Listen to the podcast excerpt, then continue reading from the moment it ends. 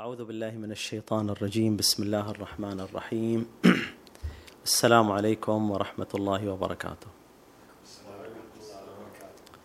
آه، لا زال حديثنا عن تعريف الصلاة في موضوع معاني الصلاة في القرآن الكريم ولا زلنا في موضوع علاقة القيام ببقية عناصر الصلاة. تكلمنا من قبل وقلنا إن إحنا حاولنا نعرف الصلاة من خلال ثلاثة معاني أو ثلاثة محاور. المحور الأول كان الصلة والمحور الثاني كان الذكر والثالث هو القيام. في المرة السابقة كان كلامنا عن القيام ولكن كلامنا كان عن القيام فقط في آية حافظوا على الصلوات والصلاة الوسطى وقوموا لله قانتين. اليوم نبغى نكمل حديثنا هذا. لو رجعنا إلى موضوعنا وأساسه زي ما إحنا شايفين كده نقدر نعرف الصلاة الآن بأنها قيام مخصص لإجلال الله. عندنا هنا القيام هو المحور الثالث. ونبغى نقول أن الصلاة هي قيام مخصص لإجلال الله عز وجل بذكر مخصص لإحداث الصلة بين العبد وربه. وكل كلمة من هذه الكلمات إليها معناها وإليها أبعادها في آيات القرآن الكريم. وزي ما إحنا آه، أخذنا في سورة المزمل في بدايتها ذكرنا في سورة المزمل أول آية تحدثنا عنها. كانت أعوذ بالله من الشيطان الرجيم. بسم الله الرحمن الرحيم. يا أيها المزمل قم الليل إلا قليلا.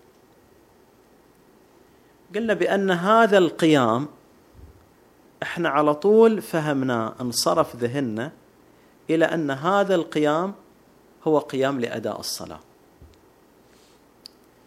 لأن الله سبحانه وتعالى لما يؤمر المؤمن بأن يقوم الليل أو يأمر النبي صلى الله عليه وآله وسلم بقيام الليل هل هو أمر بترك الفراش فقط؟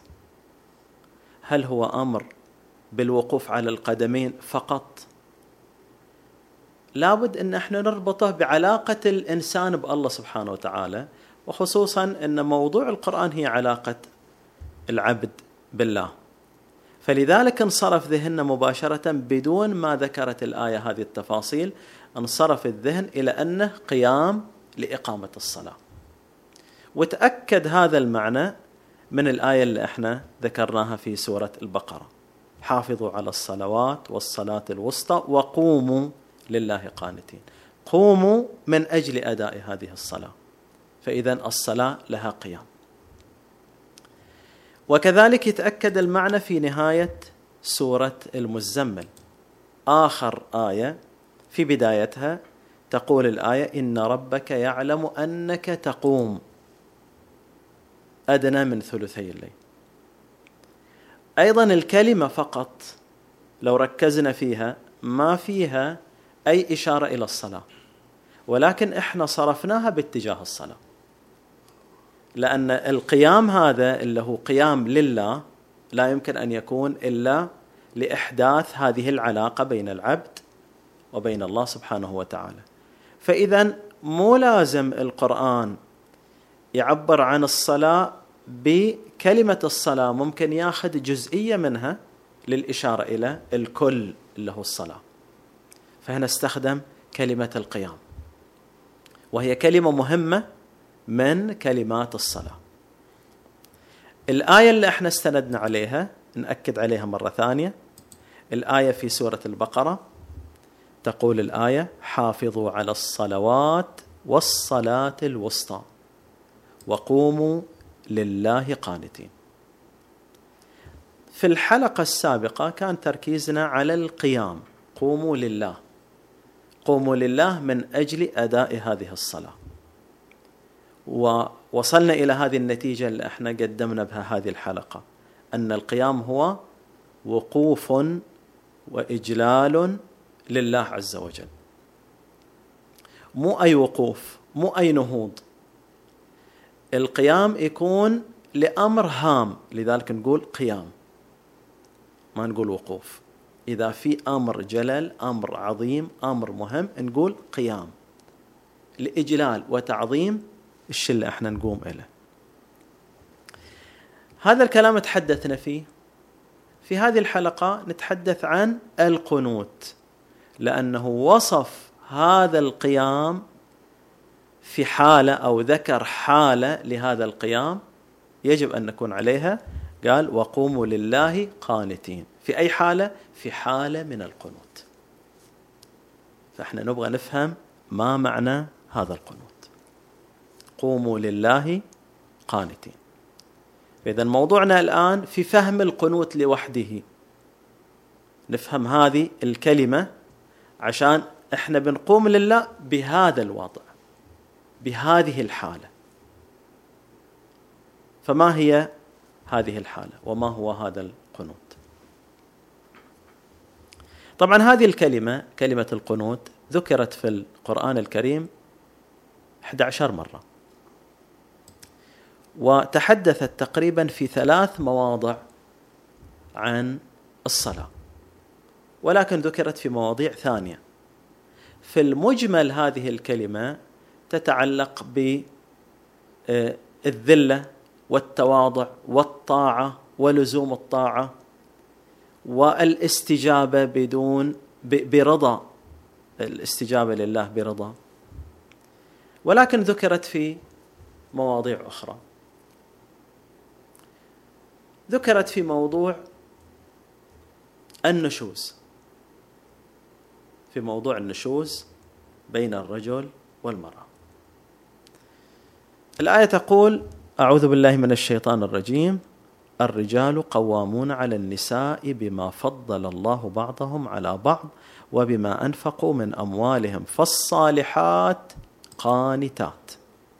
حافظات للغيب بما حفظ الله.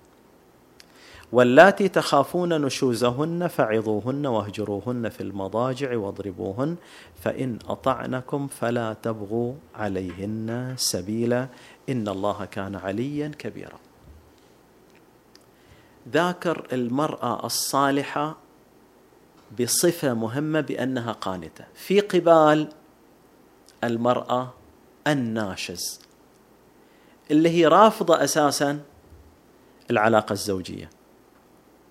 وطبعا هذا الرفض لهذه الحياة الزوجية له ظاهر وله باطن. ظاهر الشيء عدم الانسجام عدم التوافق.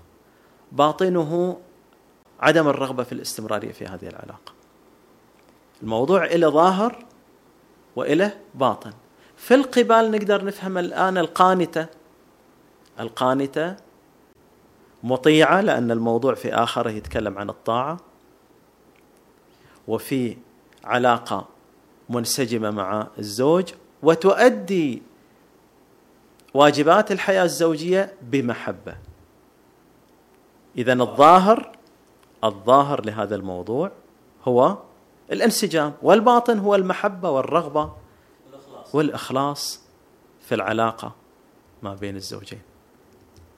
اذا هنا فهمنا نوع أو جانب من جوانب القنوت. إحنا ما نقدر في موضوع فهم المعنى إن إحنا نجيب مفردة نقول هذه المفردة تساوي هذه المفردة. ولكن نستطيع أن نحوم حول المعنى اللي تتحدث عنه الكلمة نفسها. هذا في موضوع النشوز. في موضوع آخر لما نتكلم عن الإيمان بكلمات الله عندنا مريم ابنة عمران. الله يوصفها أيضا بأنها كانت قانتة. يقول ومريم ابنة عمران التي أحصنت فرجها فنفخنا فيه من روحنا وصدقت بكلمات ربها وكانت من القانتين. صدقت بكلمات ربها. الكلمات اللي موجودة في الكتاب المقدس اللي موجودة في الكتاب المنزل. تصدق بهذه الكلمات. بعد ما تصدق بهذه الكلمات تنفذ تطبق هذه الكلمات. بأي حالة؟ بحالة من القنوت. اذا هنا أشوف حالة من الانقطاع إلى هذه الكلمات. والتنفيذ والطاعة ولزوم هذه الطاعة والاستمرارية فيها وعدم الخروج عن هذه الكلمات لغيرها. مثل ما فهمنا القنوت في حالة النشوز. المرأة قانتة لزوجها لا لغيره أيضا منقطعة في هذه العلاقة. منقطعة مع زوجها.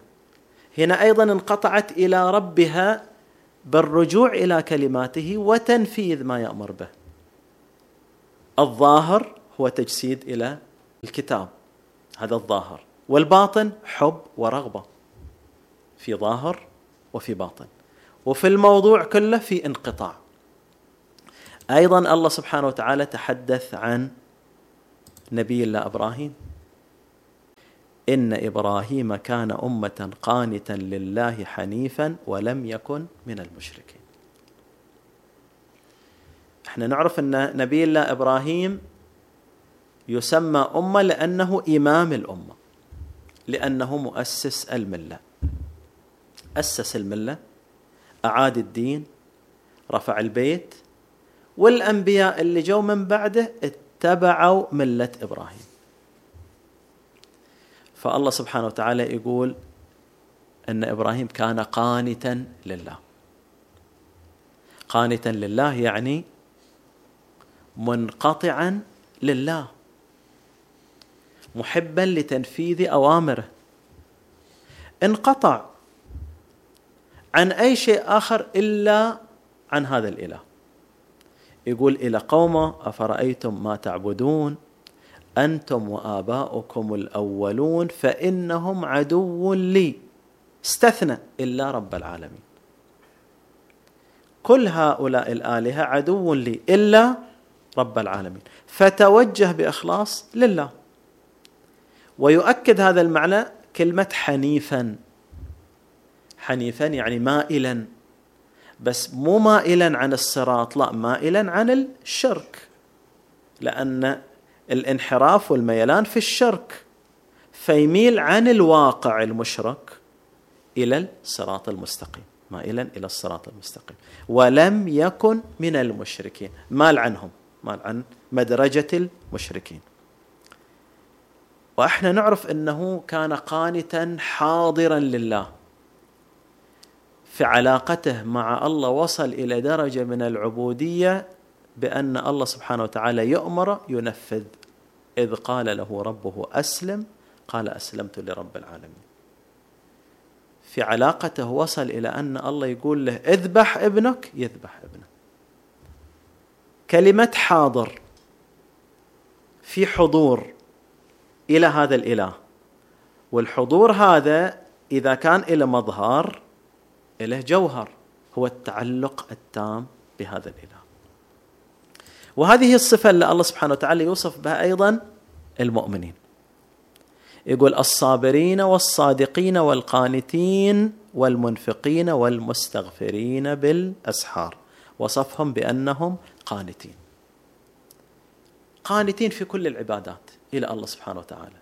حاضرين لله في كل العبادات. في كل ميادين اللي الله سبحانه وتعالى يأمرهم بها. من كل هذه الآيات نفهم إن في حالة من الانقطاع التام للجهه اللي الانسان يقنت إليها. الإنسان المؤمن يقنت إلى جهة. هذه الجهة يلزم إياها الطاعة يلزم إياها العبودية وينقطع عن غيرها. هذا هو المظهر. وجوهر هذا الكلام أن الإنسان المؤمن من الداخل محب راغب إلى هذه الطاعة. مو بالإكراه هو يرغب في أن يكون قانت لله. طيب هذا الموضوع في المواضيع العامة. كيف أدخل الآن إلى الصلاة؟ كيف أدخل في تطبيق هذه الآية؟ الآية تقول حافظوا على الصلوات والصلاة الوسطى وقوموا لله قانتين. القيام عرفناه وفهمناه في الحلقة السابقة. الآن يجب أن نقوم لله في حالة من القنوت. يجب أن نقوم لله في هذه الحالة.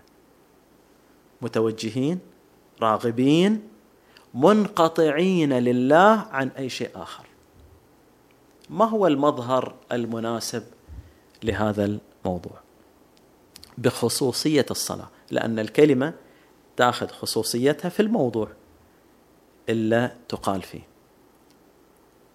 في خصوصية الصلاة المظهر أن الإنسان ينقطع عن الكلام أو عن الحديث في أمور الدنيا وينشغل فقط بالذكر والتسبيح. طيب ما هو باطن هذا الأمر؟ ما هو باطنه؟ باطنه أن الإنسان متوجه بالكامل لله. إذا كان لا يتحدث في هذه العلاقة في هذا القيام لا يتحدث في أي موضوع آخر فهو في الباطن متوجه بالكامل أفرغ قلبه من أي موضوع آخر. وانشغل بالكامل بالتوجه الكامل لله عز وجل. اذا عندي مظهر هنا إلا إحنا نفده بشكل طبيعي في الصلاة. هو أن إحنا نقول أن الحديث في الصلاة يبطل الصلاة. هذه حالة من القنوت. يجب أن نكون قانتين لله عز وجل أثناء الصلاة. بس هذا المظهر لا يمكن أن يكون إلا إذا كان في داخله جوهر في كان داخله معنى. وش المعنى؟ إن أنا منقطع تماما في توجهي إلى الله سبحانه وتعالى في أثناء قيامي لهذه الصلاة. خلينا الآن نرجع إلى مراتب الصلاة عشان نأكد على هذا المعنى. قلنا من البداية أن الصلاة هي عبارة عن علاقة بين العبد وبين الرب. هي علاقة. هذه العلاقة نسميها صلاة. ولا إحنا سميناها إن أصلها هو الصلوة اللي تحدث هذه الصلاة. قلنا بداية هذه الصلاة أو بداية هذه الصلوة هي عدم النسيان. يعني يكون المؤمن ذاكر إلى القيم إلى المبادئ اللي موجودة في الكتاب. لأن عندنا إقامتين. إقامة للصلاة توازيها إقامة للكتاب. المرتبة الثانية من عدم النسيان هو الذكر. هذا تمام عدم النسيان. لما أنا أقول الإنسان غير ناسي تمامه أن يكون ذاكرا لله. ذاكرا في كل أوقاته. في مرحلة أتم من هذه. وأكمل. إن الإنسان يذكر التسبيح ويذكر الله قياما قائما لله. هذه حالة أعلى. مرتبة أعلى. بس الله سبحانه وتعالى قال تمام هذا القيام أن تكون قانتا لله. تمام هذا القيام هو القنوت لله. اذا وين الصلاة اللي إحنا نأديها في هذه العلاقة أو في هذا الشكل اللي أمامنا؟ الصلاة موجودة في هذا الجزء. الجزء العلوي اللي هو مكون من القيام والقنوت. عندما نصلي نحن نقوم لله قانتين. وفي هذه الحالة نذكر الله بأعلى مراتب الذكر لأننا نذكر منقطعين عن الحياة. نذكر الله قانتين منقطعين راغبين في هذا الذكر غير منشغلين في أمور الحياة سواء كان في مظهرنا الخارجي أو في الجوهر في القلب. إذا انقضت الصلاة اللي هي أساسها قيام وقنوت. هل تنقطع صلتنا بالله؟ لا. نكون نزلنا إلى مرتبة أقل وهي الذكر وعدم النسيان. فإذا قضيت الصلاة فاذكروا الله كثيرا. انقضت الصلاة تنتقل إلى الذكر. فإذا الذكر يشمل حياة الإنسان يوم الإنسان بالكامل في فترات مخصصة يرتقي فيها الذكر إلى أن يصل إلى مرحلة القيام والقنوت والقنوت ليس الشكلي فقط وإنما القنوت الشكلي والقنوت الباطني اللي يفرغ فيه الإنسان قلبه من كل هموم الدنيا أو من كل أشغال الحياة. أختم حديثي في موضوع القنوت بالايه التالية اللي تحدثت عن مريم عليه السلام.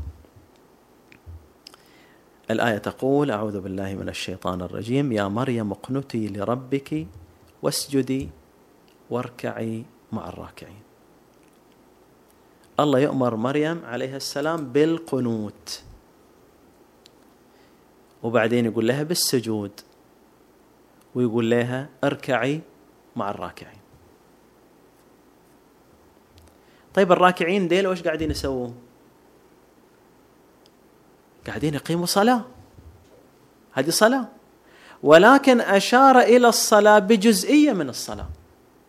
أشار إلى الصلاة بالركوع اللي هو جزء من الصلاة. الأمر هو أقيم الصلاة. اركعي مع الراكعين ديل الراكعين ما يسجدوا لا يسجدوا. يعني اسجدي مع الساجدين أيضا.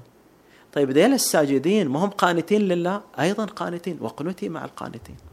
ولكن اختصر الكلام بطريقة قال واركعي مع الراكعين في قيامك للصلاة. طيب إحنا لما نجي إلى الفعل السجود أو نجي إلى فعل الركوع أي فعل من ذيل الفعلين؟ لما الإنسان يكون راكع أو الإنسان يكون ساجد يكون قانت. قانت للجهه اللي هو ساجد إليها وقانت للجهه اللي هو راكع إليها. بمعنى أن الإنسان ما يستطيع أنه يتحدث في شؤون الحياة وهو راكع ولا يستطيع أن يتحدث مع الآخرين في شؤون الدنيا ومشاغل الدنيا وهو ساجد. فالوضعيتين ديل ثنتينهم تؤدي بالنتيجة إلى القنوت الظاهري القنوت الشكلي. فإذا هنا نفهم إنه ربط القنوت بالقيام عشان يشمل الانقطاع التام في جميع حالات الصلاة. تبدأ من القنوت بالقيام إلى الركوع إلى السجود. في جميع الحالات تكون ساجد وقانت لله. اذا كلمة اقنتي لربك هي إشارة إلى الصلاة. وهذا يؤكد ما فهمناه أن القنوت لله في معناه هو إشارة وبداية إلى الصلاة وأن الصلاة من متطلباتها أن ننقطع عن أي شيء وعن أي انشغال من انشغالات الحياة سواء كان بالتلفظ أو في داخل القلب. أسأل الله سبحانه وتعالى أن نكون من المصلين والقانتين له عز وجل. لهذا الحديث إن شاء الله تتمه والسلام عليكم ورحمة الله وبركاته.